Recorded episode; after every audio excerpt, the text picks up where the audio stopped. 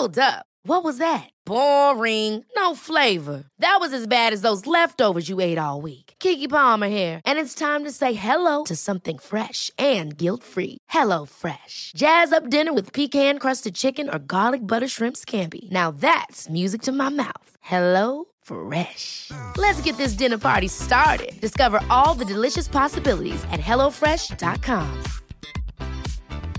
There's never been a faster or easier way to start your weight loss journey than with PlushCare.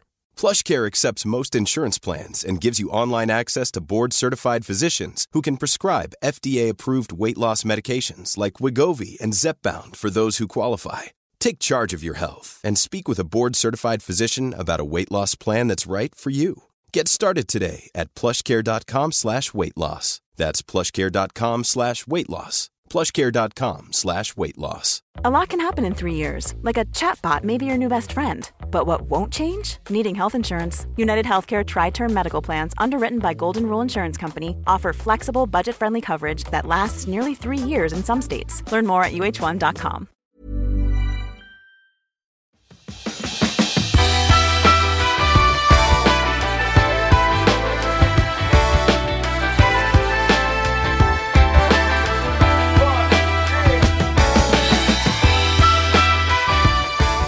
Hej och välkommen till Klimakteriepodden med mig, Åsa Melin.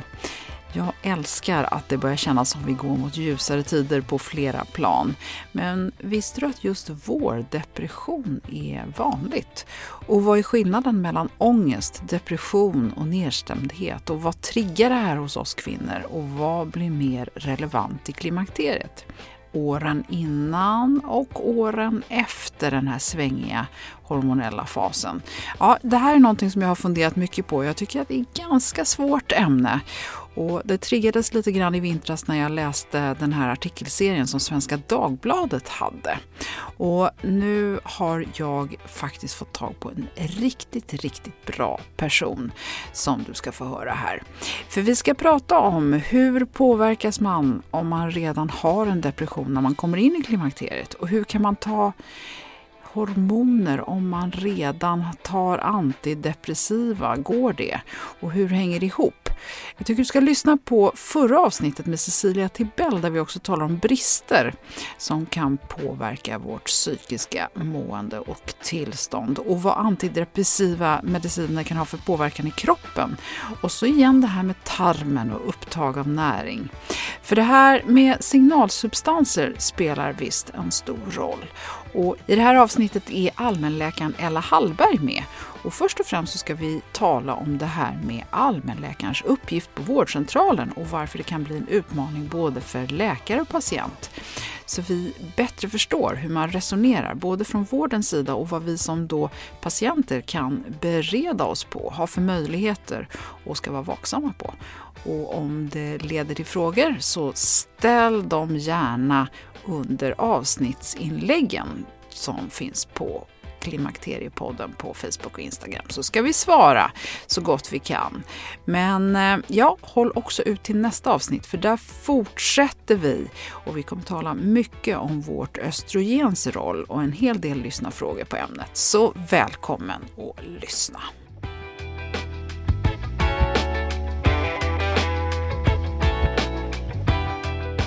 Då, Ella Hallberg, så vill jag önska dig hjärtligt välkommen till Klimakteriepodden.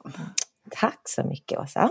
Så spännande att ha med dig. Allmänläkare är din specialistutbildning, men du har ju en helt annan påbyggnad. Du får nästan berätta själv, Ella, så att du, du får med alla de här spännande delarna som du har läst och kan.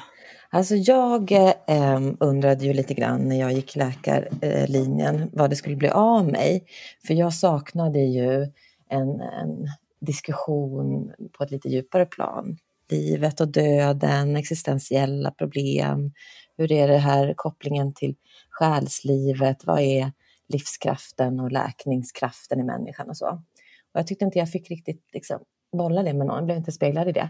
Så när jag kom, äntligen tagit mig igenom det hela så sökte jag ju runt och då var ju ändå eh, mina all, alltså kollegorna inom allmänmedicin, de som kunde, som polade med mig i det där och liksom, ja men eh, det här, det här vill vi prata om, det här är intressant, det här påverkar ju människan. Så det var ett ganska självklart val för mig. Sen så eh, har jag då förstås med det här intresset läst eh, mycket annat och intresserat mig i perioder för eh, antroposofisk medicin, flyttade ju hit till Järna då, mycket på grund av det, mm, att kliniken låg här, att jag skulle kunna ha en chans att jobba där. Så jag har varit en kortare, mer som en praktik under min utbildning till allmänläkarspecialist på Vidarkliniken, kliniken Ehm, där man ju pratar om människan mer som en helhet med, med både den fysiska kroppen, den själsliga kroppen och det eteriska, det mer andliga eh, delen i människan.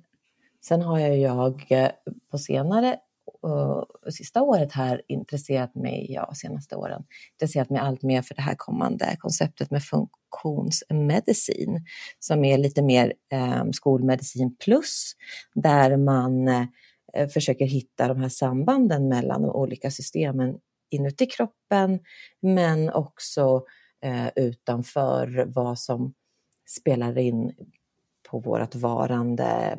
Vad har vi för näring? Vad har vi för kontakter utåt? Så det inre livet och det yttre livet och de olika hormonella och signalsubstanssystemen, immunförsvar och tarmflora i samklang. Ehm, så där är väl min intressesfär och det har ju gjort att jag på vårdcentralen nischat mig ehm, nästan från början ehm, mot utmattning, syndrom, långvariga smärttillstånd, eh, ångest, depression, eh, autoimmuna sjukdomar, det här som blir lite mer komplext. Det tycker jag är jättespännande att hålla ja. på med. Och det, det vi idag, det var Mia Lundin som rekommenderade att jag skulle eh, prata med dig. För att jag Eh, sträckte ut en hand eh, till alla möjliga håll och kanter och ville prata om depression. Jag blev väldigt nyfiken när Svenska Dagbladet hade en artikelserie här eh, i vintras som handlade om depression. Och när jag såg de här siffrorna med vilka enorma mängder svenskar som äter antidepressiva så började jag titta på lite mer i detalj hur det såg ut för kvinnor respektive män. Och så har vi touchat det här ämnet tidigare i Klimakteriepodden. Och det är ju ett faktum att väldigt många kvinnor eh, runt 45-60 blir diagnostiserade med depression. Och sen är det ju väldigt stort faktum också att många eh, redan tidigare alltså innan man går in i klimakteriet definitivt eh, äter antidepressiva. Och jag är nyfiken på, vi ska försöka få in det här, vad gör SSRI? Vad gör depression med dig som person? Vad, vad eh, händer om man ska tillföra hormoner? Vi ska försöka få in ett, mm. ett, så mycket vi kan av det här och jag är, känner mig eh, nu har du och jag pratat ganska mycket innan, vilket jag känner mig, jag känner mig så trygg med dig så att jag, det, det, får bli som det blir det här. Mm. Och, du som, och du som lyssnar får ha tålamod med mig för jag är ute på hal is här. Jag kan väldigt lite om det här ämnet. Men eh, Ella, jag vill börja i den här ändan med din specialitet, det vill säga allmänläkare vårdcentral. Ni mm. drar ett tungt lass och ni är också den som kvinnan först möter. Mm. Och vi får ju mycket kvinnor som har väldigt många olika ingångar. Kan du inte bara berätta för mig, vad, vad händer när man kommer till vårdcentralen och har de här lite gnissliga, eh, olika eh, diffusa symptomen? Mm, det ska vi prata om. Jag vill bara säga att jag jobbar ju inte längre på vårdcentralen. Jag slutade ju för ett halvår sedan um, och jobbar ju nu sedan ett år på Hörcare. Lite på grund av svårigheterna i primärvården, eller mycket på grund av svårigheterna i primärvården att, att eh, nå ner till kärnan i de här frågeställningarna.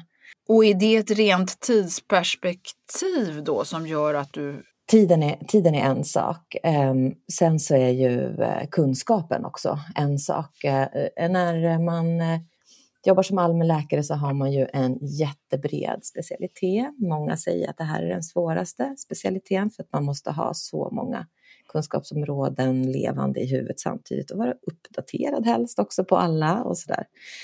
Um, och när det gäller eh, Ehm, depression så har vi ju en hel del utbildning, depression och ångest och, och så, ehm, som egentligen är en, vad ska man säga, en samlingsdiagnos. Eh, ehm, däremot så sviktar vi ju när det gäller klimakterie och depression. Vi sviktar eh, när det gäller forskning på kvinnor och läkemedel i allmänhet, kvinnor och, och eh, cykliska varelser som vi är och vårt liksom, mm, sätt att, att hantera eh, omgivningsfaktorer, sjukdomar, inflammationer och sådär. Så att det är inte så himla lätt eh, att sitta där som allmänläkare och ha eh, den fulla bilden. Och sen så kommer ju den här tidsaspekten till då, där eh, Eh, allmänläkaryrket och alla läkaryrken egentligen är ett detektivarbete eh, där man ehm, eh, jobbar väldigt mycket med, med det verktyget man har, anamnesen som det kallas, sjukhistorien, där man är i en samklang med patienten då ehm, ska dels lämna plats till att, att man som patient eller klient eh, får chansen att berätta sin historia eh, och få med olika delar. Eh, och samtidigt som man sitter med en agenda, eh, lite som en kokboksrecept där man ska pricka av eh, olika symptom som ska passa in i olika mönster. Ehm, så där kan man ju ibland, eh, mm, när man sitter i en allmänläkarsituation på vårdcentral, vara tvungen att skarva eh, lite grann eller ta genvägar för att det finns inte tid. Man kanske har en, en halvtimme och på den där halvtimmen ska det också skrivas ett sjukintyg och man ska kanske hitta på någon medicinsk behandling och förklara den för sin patient och helst ska det vara sam, sam, ja, inte, ja, en man ska komma tillsammans fram till behandlingen. Det är ju liksom det man också har i, i ryggsäcken där, ja det ska vi också göra. Och det lyckas man väl med mer eller mindre bra kan man säga, eh, beroende på hur, hur tajt schemat är och eh, eh vilken erfarenhet man har i ämnet. Kanske är man jätteduktig på hjärtsjukdomar istället eh, och tolka EKG och, man är superduktig på att ta bort eh, födelsemärken eller, eller eh, nageltrång var jag inne på. Ja. så att ni förstår, det är liksom en väldigt, väldigt bredd. Så därför så, så, kan jag förstå att många, alltså de allra flesta av mina kollegor har ju en jättefin intention att man ska lyssna på sin patient och förstå och höra och lägga rätt pussel. Men det finns ju inte riktigt de förutsättningarna som vården ser ut idag. Det är ju min personliga åsikt. Det låter ju lite som att man inte har riktigt tid med den här felsökningen mm. och då måste man på något sätt hamna snabbt i ett spår och det spåret får man köra på. Så tänker jag i alla fall. Mm. Mm. Och, och, och kan, från det kan man komma in i det här med att många hamnar då i diagnosen depression. Mm. Eh, det är intressant, nu pratar man ju allt mer om att, att depression är ett samlingsnamn och att det egentligen kanske är en mängd olika sjukdomar inom citationstecken. Då. Eh, och det kan ju förklara varför det inte funkar för alla med precis samma standardbehandling. När man kommer då med, med nedstämdhet eh, så behöver man ju förstå eh, vissa delar. Hur, ehm, vad har man med sig på sin tidslinje? Eh, vad finns det? Finns det olika trauman? Finns det en dysfunktionell uppväxt till exempel som ju ger en, en ökad känslighet för eh, eh, senare svårigheter där man liksom enklare då kanske kan komma in i en ångestsituation, en depression. Hur eh, är situationen runt omkring en? Är det extrem stress där vi har de här eh, stresshormonerna som via kortisolet pressar ner vår serotoninproduktion? Har vi en, en stress som gör att det blir obalans mellan våra signalsubstanser där de här jättebra dopamin och noradrenalin som ska ge oss jävlar anamma och vi ska kunna kavla upp våra ärmar och ta tag i roliga saker. Har de blivit så eh, eh, har det blivit så hög koncentration av dem för att vi är i, i ständigt görande och, och avprickande av våra listor så att, så att så att de har stuckit upp till nivåer där de inte längre bara är kul att använda sig av utan där de också ger oss tunn sömn på natten. Vi får svettningar, vi är uppe och kissar eh, tre gånger, eh, vi ligger och ältar historier och, och oförrätter eh, problemlöser under nätterna, är det där vi måste börja? Liksom att sömnen är så dålig så att vi inte orkar med våra liv och våra Eh, åtaganden under dagen. Eh, sen så är det ju eh, ehm, andra kroppsliga sjukdomar som kan spela in. Har vi en kronisk inflammation i kroppen som också tar av våra resurser att hålla balansen i signalsubstanserna. Hur är det med tarmen? Vi kliver en våning ner. Har vi en, en funktion, funktion i tarmen där vi kan faktiskt bilda signalsubstanser? 95 procent nästan av serotoninet skapas ju i tarmen. Så hur är det på det planet? Har vi väldiga eh, variationer i avföring och eh, gaser, uppblåsthet och ibland diarréer och ibland förstoppning. Men hinner vi det här? Hinner vi prata om det här på 30 minuters läkarbesök? Förstår ni, det är li lite svårt, men vi måste ju ändå ha med det. Och sen kommer det här eh, med hormonsvängningar. Vi har ju perioder i livet där vi har en, en adapt, eh, måste adaptera oss en fas mellan, ja i, i första är ju eh, puberteten och sen så ska vi då eh, in i en kanske en graviditet, eh, om vi väljer det, ja då har vi också en, en variation i hormoner som kommer påverka oss positivt eller negativt. Och sen kommer eh, preklimakterie, klimakterie där vi kommer få vågor i vår hormonproduktion igen. Och då ska vi hantera det. Eh, och har vi, vi, har, vi ser ju då att har vi en obalans i våra signalsubstanser och till och med låga nivåer i våra serotonindepåer, klarar vi de här svängningarna sämre. Så där ligger ju liksom signalsubstanserna och könshormonerna lite som lager på lager. Men är det viktigt att utreda vad grunden till nedstämdheten är för att behandlingen skulle vara väldigt olika? För att nu sa ju du, då, du gav ju ett antal olika skäl till att man kanske har låga serotoninnivåer och därmed känner sig nedstämd. Och så har vi ett samlingsnamn som heter SSRI-preparat som är serotoninhöjande. Och då är det det man får. Eller finns det alternativ? Eller vad är alternativet? Ja, det finns ju alternativ om man tänker, om du pratar nu bara medicinsk behandling, så inom skolmedicin så finns det ju eh, både för serotonin, återupptagshämmare, serotonin och nor, adrenalin, återupptagshämmare. Det finns eh, de här eh, NDRI som är ehm, eh, återupptagshämning, också dopamin eh, och egentligen också eh, manipulation av recept förmåga i viss mån. Och sådär. Eh, det finns ju stämningsstabiliserare, det finns olika sömnmedel och lugnande läkemedel och sådär.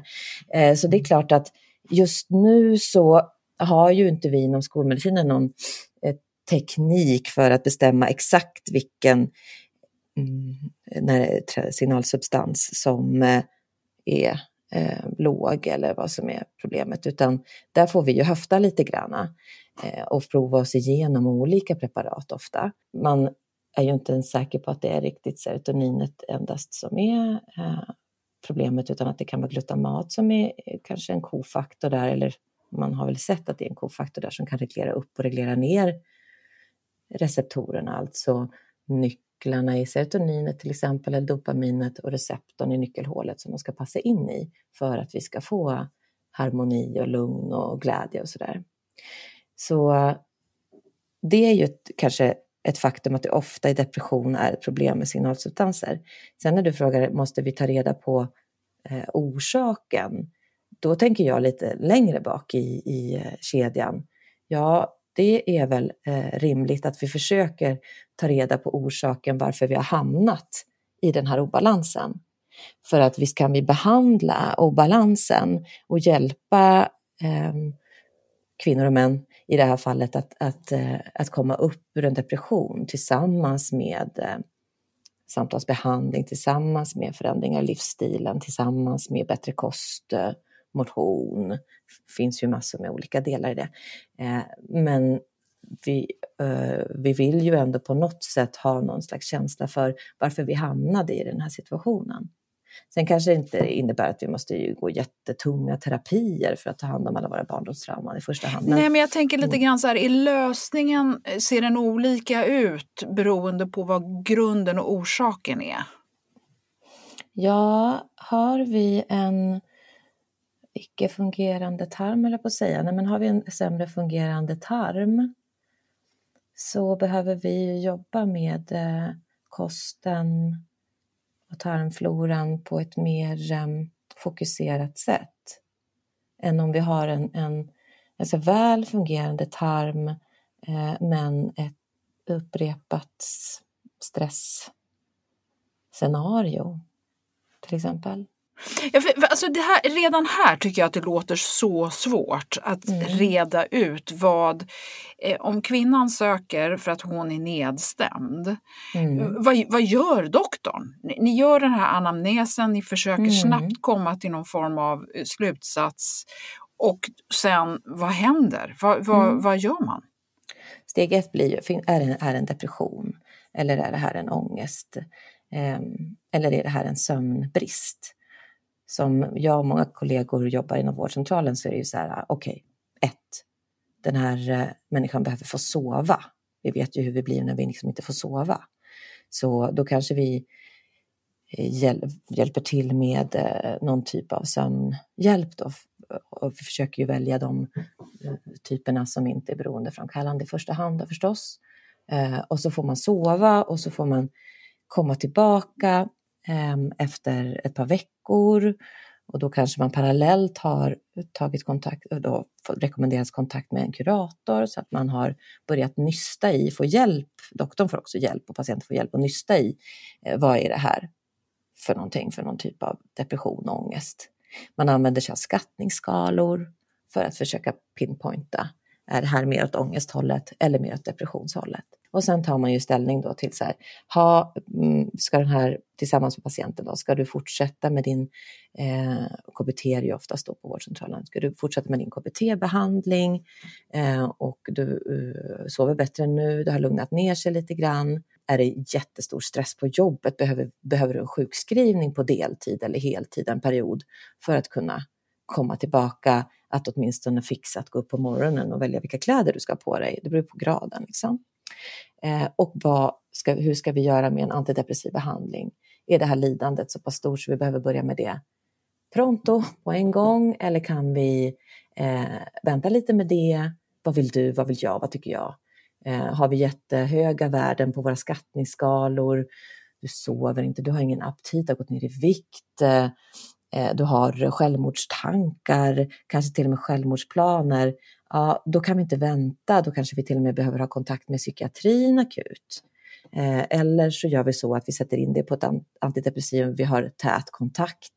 Jag, jag brukar ju oftast när vi jobbar på vårdcentral ha kontakt eh, efter två veckor och sen så säger jag till dem att hör av dig innan om det här inte fungerar, för vi vet ju att när vi sätter in den här typen av antidepressiv medicinering så kan ångesten öka de första två veckorna framför allt. Då.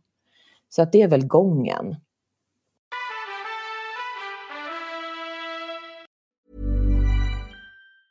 There's never been a faster or easier way to start your weight loss journey than with PlushCare. PlushCare accepts most insurance plans and gives you online access to board-certified physicians who can prescribe FDA-approved weight loss medications like Wigovi and Zepbound for those who qualify. Take charge of your health and speak with a board-certified physician about a weight loss plan that's right for you. Get started today at plushcare.com slash weight loss. That's plushcare.com slash weight loss. plushcare.com slash weight loss. Hold up. What was that? Boring. No flavor. That was as bad as those leftovers you ate all week. Kiki Palmer here, and it's time to say hello to something fresh and guilt-free. Hello Fresh. Jazz up dinner with pecan-crusted chicken or garlic butter shrimp scampi. Now that's music to my mouth. Hello Fresh. Let's get this dinner party started. Discover all the delicious possibilities at HelloFresh.com. A lot can happen in three years, like a chatbot may be your new best friend. But what won't change? Needing health insurance. United Healthcare Tri Term Medical Plans, underwritten by Golden Rule Insurance Company, offer flexible, budget friendly coverage that lasts nearly three years in some states. Learn more at uh1.com. Det är härligt att klimakteriets tabu äntligen är på väg bort. Vill man försöka klara sig utan hormonbehandling så finns nu många nya kosttillskott som lovar bland annat hormonell balans och som ska stötta brister. Jag vill lyfta min räddare i nöden, Femarel. Det har inte bara varit min utan många andra kvinnors räddning i över 20 år. Och med lång tid på marknaden, med nöjda användare, dessutom med 20 forskningsstudier så vågar jag säga att det kan vara en god idé att prova Femarel. Femarel finns på apoteken och i hälsokostbutiker. Tack Femarel som varit min samarbetspartner i många år.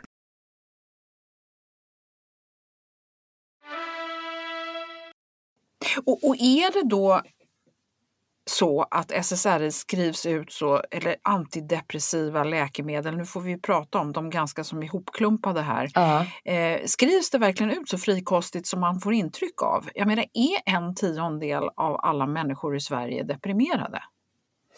Eh, nej, inte en tiondel av alla. Det är ju olika depressionsgrad i olika åldrar. Man kan väl säga att eh, Eh, depression och ångest ökar med åldern. Nu pratar man ju väldigt mycket om eh, att det ökar bland unga och det gör det, men, men det är fortfarande så att ju äldre du blir desto större risk har du för en, en depression. Sen eh, skrivs antidepressiva me eh, medel ut också för ångesttillstånd av olika slag. Så det är inte ett lika med tecken med antidepressiv medicinering och en faktisk eh, depressionsdiagnos. Men eh, när jag tittade eh, på den senaste statistiken från 2020 så har kvinnor mellan 45 och 64 då, den här åldern som vi kanske pratar om i, i klimakteriepodden då, mm. passande, eh, så är det ungefär 130 000 som har fått eh, SSRI just utskrivet.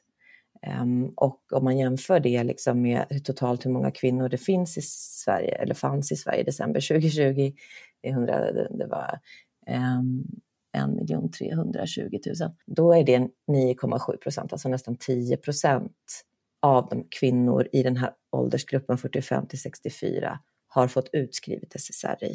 Mm. Sen är det väl kanske inte alla de. Vi vet ju att det är inte så hög eh, följsamhet på medicinering. Så det är väl inte alla de som har hämtat ut sina mediciner. Men, men någonstans där 10 procent. Eh, men när man frågar i folkhälsodata så har man ju frågat och frågar med den här folkhälsoenkäten då. Eh, och då är det 3000 kvinnor i den här åldersgruppen som vi pratar om som någon gång i livet har fått diagnosen depression. Då är det bara 4 procent. Mm. Eh, så diagnosen depression är en sak, SSRI utskrivet är en annan. Och det är väl det som har varit kritiken också, att man kanske har fått SSRI eller andra antidepressiva utskrivet utan någon tydlig diagnos. Um, och det kan ju bero på att man har slarvat med diagnossättning eller så kan det bero på att man har slarvat lite med uh, sitt felsök och sin...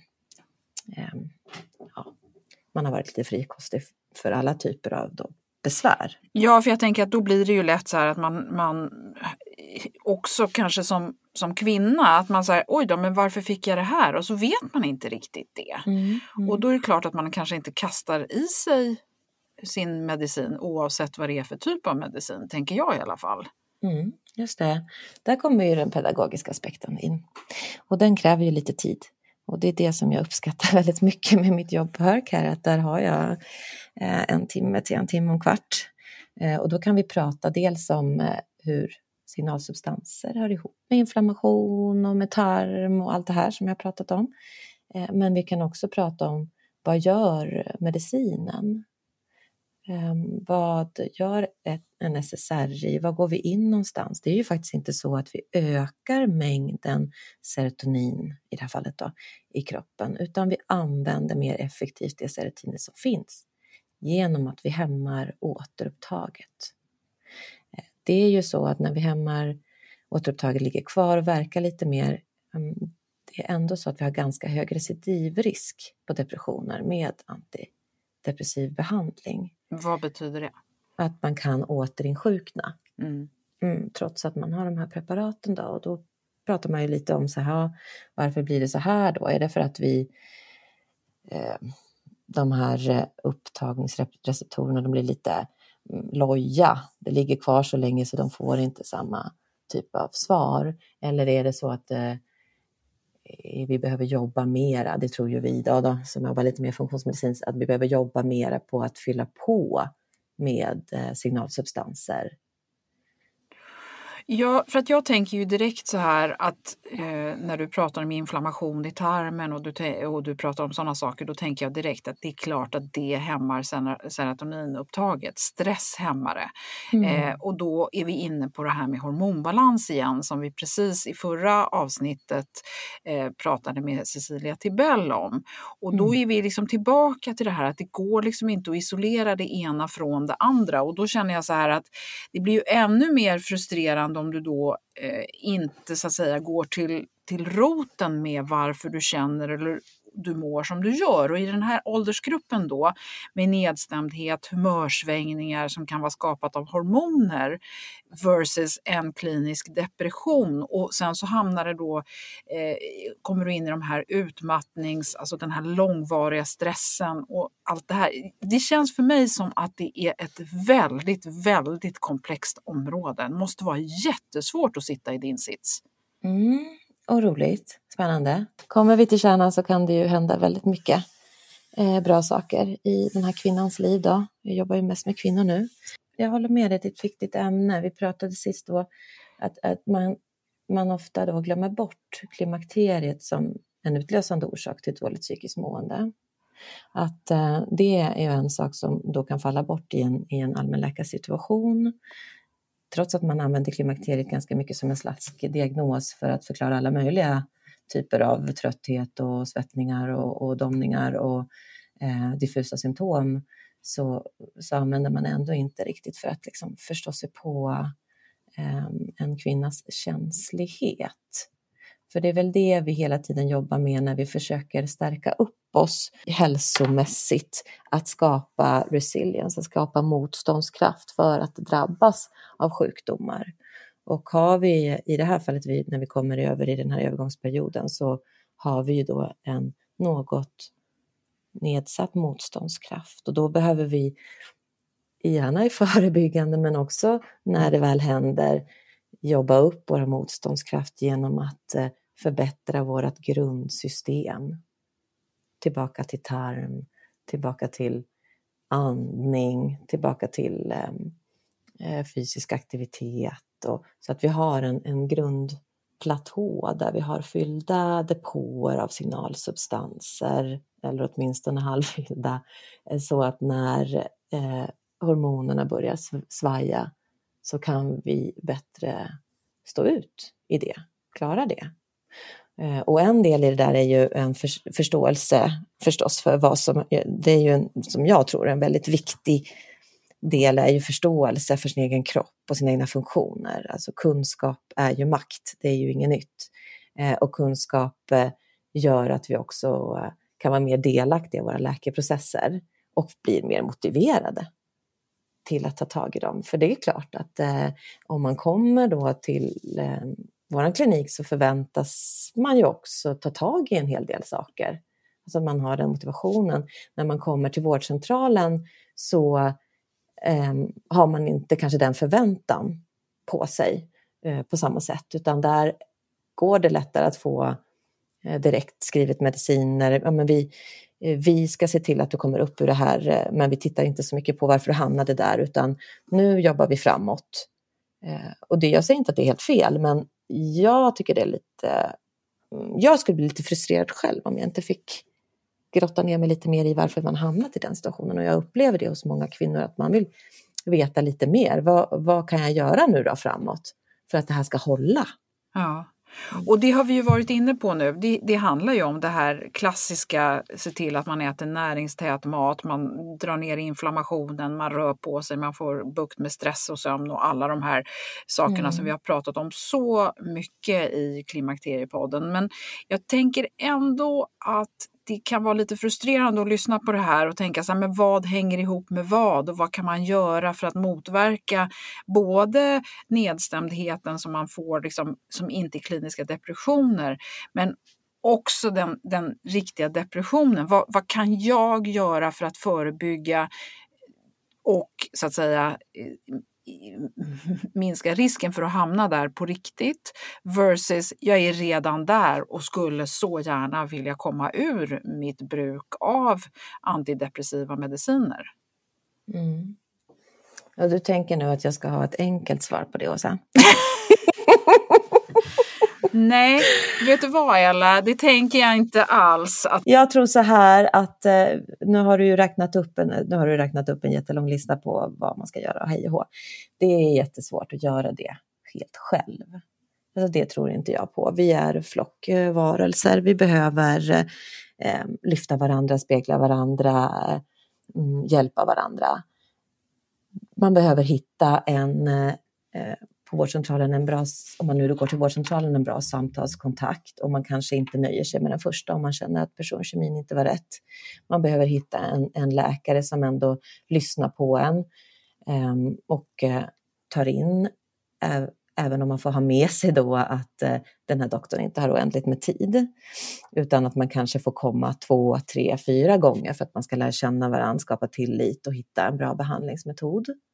Eller så får man välja sig till ett privat alternativ om man har de möjligheterna. Eh, och sen så tycker jag också att eh, när det gäller träning, men man behöver hjälp där också och det är ju depressionens eh, dilemma är ju att man vill dra sig undan socialt och att man inte vill ha några kontakter eh, och att man inte orkar med det. Så att man får väl välja en eller två som man öppnar sig för och som man faktiskt ber om hjälp. Kan, vi, kan du få ut mig på promenad en gång i veckan, två gånger i veckan? Kan vi hjälpas åt? Kan vi ha en eh, kan du sitta här med mig ikväll, nu är det svårt med ångesten. Alltså kan vi ha en telefonlinje öppen där jag ringer bara fem minuter och säger att äh, jag kan inte andas. Och så hjälper du mig. Alltså det är väl ett råd. Att försöka sträcka ut en hand.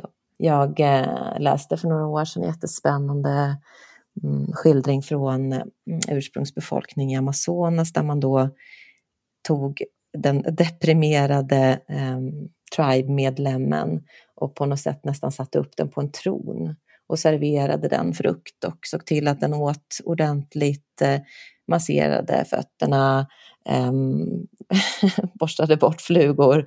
Ja, men alltså att man faktiskt eh, man får omvårdnad och det är ju lite bristfälligt i vår samhällskultur. För är man inte på topp då, då drar man sig undan och man känner att man inte kan vara med på eh, sammankomster och, och middagar och sånt där. Man kanske inte orkar det. Men att man då ändå kanske sträcker ut handen mot en eller två men det är ju också ett ehm. jätteproblem i det svenska samhället som är ju ensamhushållens mecka. Mm. Jag mm. tänker direkt på så här sydeuropeiska eh, i alla fall så har vi någon idé om att man där bor tillsammans flera generationer. Mm. Man kanske inte delar badrum men man är i alla fall i närheten av varandra. Man har ett helt annat eh, umgänge på regelbunden basis. Man kanske fångar upp varandra lättare. Man kanske ser varandra mm. på ett annat sätt. Eh, mm. När syskon och föräldrar och, och, barn och barnbarn och allt vad det är i en stor härlig hög. Ja, ja visst. Jag tänker att man också kan, man kan också tänka sig så här, men hur menar du att jag ska göra det där? Jag är ju, mår ju skitdåligt. Jag orkar ju inte ens knappt eh, komma ut på en egen femminuterspromenad. Och då kan det ju vara så att man faktiskt behöver ta en krycka. Att man behöver eh, börja med ett antidepressivum fast man kanske var rätt emot det och inte ville ha några mediciner. Men att vi brukar vi risa, rita en, en sköterska på min förra vårdcentral brukade alltid rita upp eh, någon slags sjöbotten med en, med en djup grop eh, där man liksom låg i den där gropen och så var det hela det här havet ovanför den också som man skulle igenom. Och att man då kanske kunde få en antidepressiv tablett så att man kom upp ur gropen och liksom kunde simma upp i det här havet, upp över ytan. Mm. Så att man kan ju kanske tänka sig också och vara snäll mot sig själv och tänka så här, men jag behöver den här kryckan. Eh, en period eller en längre period. För att... Men menar du att det här är lösningen när man är i det innan man börjar medicinera eller är det även när man försöker ta sig ur en eventuell medicinering? Ja, det kan ju vara både och. Eh, jag tänker när man väl ska in i medicinering kan det ju vara för att man ska kunna ta tag i saker, man ska kunna komma igång och röra på sig fysiskt och, och, och ringa upp den här goda vännen och be om liksom lite samtalskontakt och stöd och ta sig till en kurator eller en psykolog eller mm, något sammanhang för läkning. Men eh, det kan ju också vara att man har en, eh, en eh, långvarig eh, stresssituation bakom sig, om det är traumatiska upplevelser eller om det är ehm, helt enkelt ett, ett krävande liv och en hög prestations, eh, höga prestationskrav på sig själv som har drivit en dit. Um, och då kan det ju vara så att man uh, väljer att stå på ett SSR i princip livslångt. Alltså man kan ju inte bestämma för någon annan om det är rätt eller fel. Nej, men jag tänker att det verkar så svårt att gå av och gå på. Ja, det är det. Det kan det vara i alla fall, inte för alla. Eh, det är ju så att man inte har sett något eh, fysiskt eh, beroendeutveckling som man kan se med vissa, liksom, eh, ja, i, som droger och nikotin ja, och sådana här saker. Men däremot så finns, eh, upplever ju de allra flesta att eh, de får en ångeststegring när de ska kliva ur sin antidepressiva behandling. Så eh, mitt råd är ju att göra det extremt långsamt. Små, små dosförändringar, långa platåer. Och det är olika beroende på vilket preparat man använder. Eh, oftast är det lättare att kliva ur SSR i citalopram än till exempel SNR i Venlafaxin och så. Eh, och eh, det är ju också så att man, eh, när man sätter in andra åtgärder runt omkring, man tänker, man, får, man tar sig till en coach av något slag, sin läkare, eh, sin näringsterapeut, sin ehm, kurator, psykolog, vad det nu är, eh, så behöver man ju då vara säker på att man har lite kartlagt de här orsakerna till att man har hamnat i det här. Har man gjort någon livsstilsförändring? Eller är det precis samma sak omkring en? Har man precis samma sociala belastning? Um, har man uh, inte gjort någon förändring i kosten? Tränar man inte alls utan man sitter i soffan efter jobbet och är så slut så man inte kan komma någonstans? Ja, men då är det klart att det blir jättesvårt att bara plötsligt ta bort kryckan. Mm. ska man halta omkring där. Utan eh, ja, då får man ju försöka bygga upp sig runt omkring och så välja en, en, också en passande årstid när det gäller vårt land. Att försöka komma ur sin medicinering. Och sen gärna mm, informera dem runt omkring en, de närmaste. Nu är jag på väg ur med medicinering. Nu kan det bli lite tufft här. Nu hjälps vi åt. Ja, nej men jag förstår och jag kan också förstå skräcken i någonting som man kanske har haft då, den här kryckan som du beskriver, man kanske haft den under en väldigt lång tid. Och då blir man ju otroligt medveten också, tänker jag, när du gör den här medicineringsförändringen. Mm. Det är en svår balans. Eh, Ella, vet du vad jag tänker? Jag tänker så här att vi har en hel del jätteintressanta eh, frågor och resonemang kvar här. Vi har några lyssnarfrågor också. Mm. Jag tror mm. att vi gör det till en del två. Så att jag yeah. tackar dig för nu och sen mm. så får du som lyssnar, du får ha lite tålamod för Ella och jag kommer tillbaka eh, alldeles snart med eh, del två och då ska vi prata mer om det här med hormoner versus antidepressiva och så vidare. Så jag säger tack Ella för nu. Tack Åsa och ta hand om er alla där ute.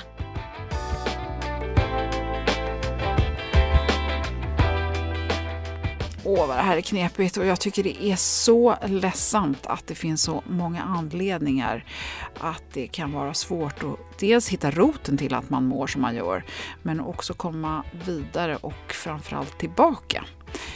Så det här knepiga med förståelse för sin kropp och hitta motivationen och hjälpa sig själv. Ja, att man som Ella sa själv måste vara beredd på att ta tag i saker för att nå hela vägen. Och man vet aldrig vad någon annan har att kämpa med, så man ska vara försiktig med att döma och lägga ansvar på individen. Så hörde jag en fin sak av Ove Knausgård häromdagen som passar in här. Det gör ont att leva ibland, men det finns alltid något att leva för. Mm. Så vi gräver vidare i det här ämnet i nästa avsnitt. Hoppas du sköter om det tills dess och att vi hörs snart igen och välkommen att kommentera avsnittet på inläggen på Facebook och Instagram. Jag är så glad för att du lyssnar och hoppas du får stöd genom Klimakteriepodden. Välkommen snart igen. Hej då!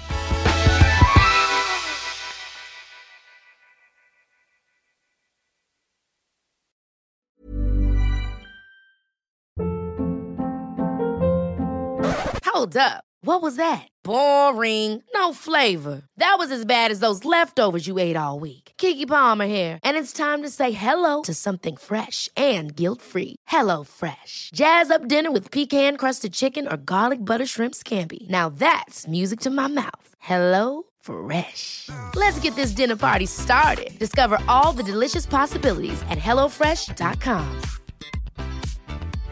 Imagine the softest sheets you've ever felt. Now imagine them getting even softer over time. That's what you'll feel with Bowl and Branch's organic cotton sheets. In a recent customer survey, 96% replied that Bowl and Branch sheets get softer with every wash. Start getting your best night's sleep in these sheets that get softer and softer for years to come. Try their sheets with a 30-night guarantee. Plus, get 15% off your first order at bowlandbranch.com. Code BUTTERY. Exclusions apply. See site for details. Hey, it's Paige DeSorbo from Giggly Squad. High quality fashion without the price tag. Say hello to Quince. I'm snagging high-end essentials like cozy cashmere sweaters, sleek leather jackets, fine jewelry, and so much more. With Quince being 50 to 80% less than similar brands. And they partner with factories that prioritize safe, ethical, and responsible manufacturing. I love that. Luxury quality within reach. Go to quince.com slash style to get free shipping and 365 day returns on your next order. Quince.com slash style.